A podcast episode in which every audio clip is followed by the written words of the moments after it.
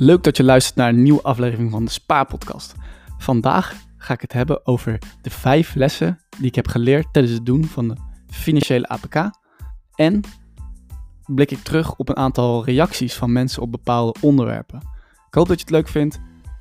Veel luisterplezier.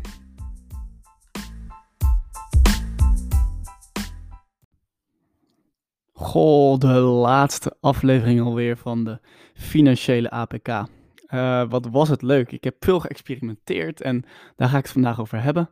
Uh, dus ik zal je nog even meenemen naar het begin. Want uh, ja, ik wilde heel graag iets met besparen doen. Tenminste, dat wilde ik eerst helemaal niet. Maar het was echt niet een ding waar ik zelf op zat te wachten. Want besparen best wel saai. Eh, alleen het begon steeds meer tot me door te dringen dat ik hier wel iets mee moest doen.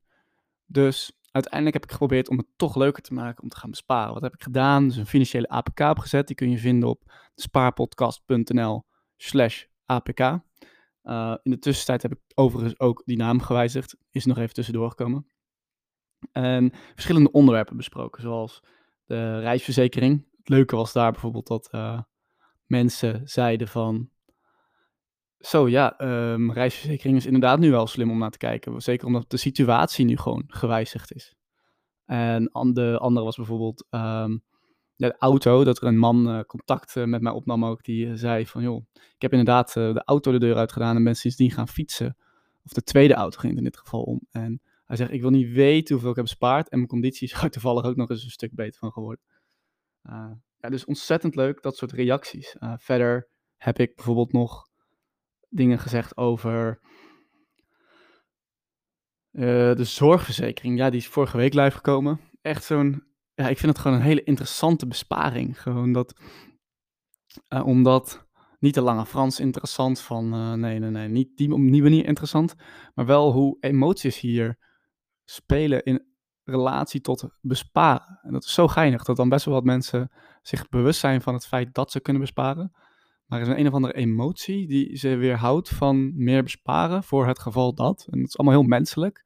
Um, goed, dat is wel leerzaam. En wellicht dat sommige mensen toch hebben gedacht van, nou, dit jaar ga ik inderdaad wel wat besparen. En misschien dat je er bijvoorbeeld ja, je besparing in een noodpotje kan stoppen. En als je dat ieder jaar doet, dan kun je uiteindelijk gewoon slimme financiële keuzes maken. En dat is waar ik eigenlijk deze podcast toch over opneem.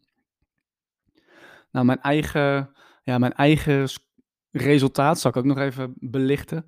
Uiteindelijk heb ik ongeveer, denk ik zelf, iets van 40 euro bespaard. Uh, het zat vooral in goedkopere gas en energie die ik, nog, uh, die ik nog kon krijgen. En aan het begin van het jaar had ik nog een aantal verzekeringen bij elkaar onder kunnen brengen. En daar een, uh, ja, toch wel zeker bijna 15 euro mee kunnen besparen. Dus dat is best lekker. ja, verder, ik had gewoon al heel veel dingen strak staan. Ik heb niet zoveel andere dingen. Ik ben niet uh, zwaar overzekerd, dat soort dingen. Dus uh, op zich wel fijn. Toch weer een paar tientjes per maand. En uh, ja, dat is gewoon ontzettend mooi meegenomen. Dus wat wil ik nu doen? Eigenlijk is dat ja, de vijf lessen delen die ik heb geleerd naar aanleiding van deze financiële APK. Laten we vooral beginnen. Les 1. Ik denk dat het goed is om één keer per jaar of bij verandering van je situatie toch eens even de financiële APK erbij te pakken en een aantal dingen langs te lopen. Waarom? Nou, één keer per jaar heeft vooral te maken met uh, bijvoorbeeld je overstapkortingen of kortingen bij internetproviders die momenteel voor nieuwe klanten een korting aanbieden uh, die jij ook gewoon kan krijgen als je even opbelt. En een nieuwe situatie, omdat er zijn gewoon bepaalde levensgebeurtenissen zoals uh, je gaat scheiden, je, krijgt, uh, je gaat samenwonen of uh, nou, er komt een, een of ander wereldwijd virus. En die hebben invloed op je financiën. Dus daarom zou ik zeggen van, dat is een mooie leidraad om aan te houden. Hoef je echt niet heel vaak mee bezig te zijn. Maar als je dat doet, kan het, kan het vaak toch wel veel geld schelen. Twee, oververzekeren is echt een ding. Zoveel Nederlanders hebben gewoon veel meer verzekeringen dan nodig. we zijn sowieso een van de uh, best verzekerde volken ter wereld. Daar had ik het over in uh, aflevering 1. Maar wij hebben echt soms, ja, gewoon voor alles een verzekering, weet je, voor uitvaart, motor, auto, reis en dan volle bak alles aangeslingerd en bij zorgverzekering de fysio erbij en de tandarts en Nou, weet ik veel wat je allemaal nog meer aan kan zetten. Maar als je dat allemaal bakken optelt, uh, het biedt natuurlijk wel een soort van zekerheid. Maar in sommige mate is het ook een soort van schijnzekerheid. Want in heel veel gevallen, als je de rekensom maakt, ga je helemaal niet zoveel geld terugkrijgen. Dus dat is eigenlijk wel mijn tweede les. Zorg dat je niet bent oververzekerd, dat je niet bent dubbel verzekerd. Ehm, daar valt gewoon heel veel winst te behalen. Nou, les drie. Ik denk dat de auto echt de meest zieke besparing is. Eigenlijk kan je alle andere besparingen vergeten als je daar serieuze beslissingen durft te maken. De auto kost uiteindelijk zoveel geld. En het zijn vooral de mensen die bijvoorbeeld, uh, nou zeg, nu net weer een reparatie hebben gehad. En die weer echt een ziek hoog bedrag moeten betalen om die reparatie te bekostigen. Die, ja, die daar hier weer over gaan nadenken. En dat komt vooral omdat we zo gehecht zijn aan onze auto. Omdat het een gevoel van vrijheid is. Maar dat ding kost zoveel, zoveel geld. En als je niet anders gewend bent dan hem hebben, dan, ja, dan kan je per maand gewoon zoveel goedkoper uit zijn. En wat je ziet is dat de mensen die echt keuzes durven te maken, die echt bezig zijn met hun financiële toekomst, uh, bijvoorbeeld dus Finance Monkey, waarmee ik ook laatst een podcast had, dat zij gewoon bereid is om haar auto de deur uit te doen om op haar 35ste financieel vrij te zijn. Ja, dat laat gewoon zien dat eigenlijk ja, dat daar de waarde te behalen valt. Um, want als je dat uitrekent, dat wat je, als je 300 euro per maand extra kan beleggen bijvoorbeeld, en dan samengestelde interest erover, nou dan kan je gewoon jaren eerder stoppen met werken. Dat is een ongekend effect. Dan les 4.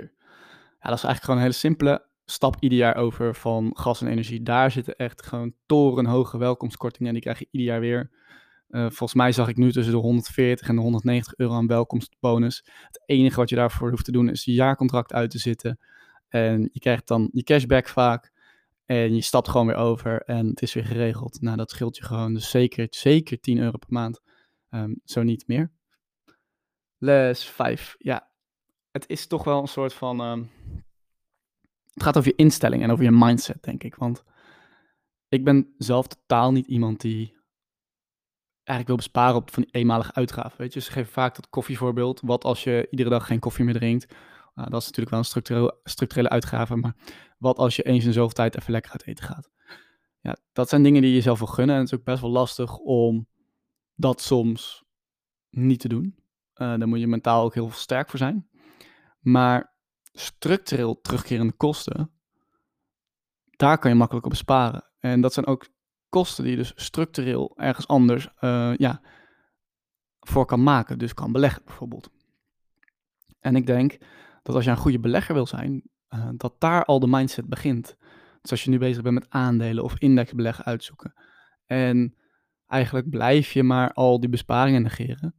Nou, stel dat je inderdaad die 100 euro per maand opzij op, op, kan zetten en dus kan beleggen. En jij weet nu ondertussen hopelijk wat het effect van samengestelde interest is.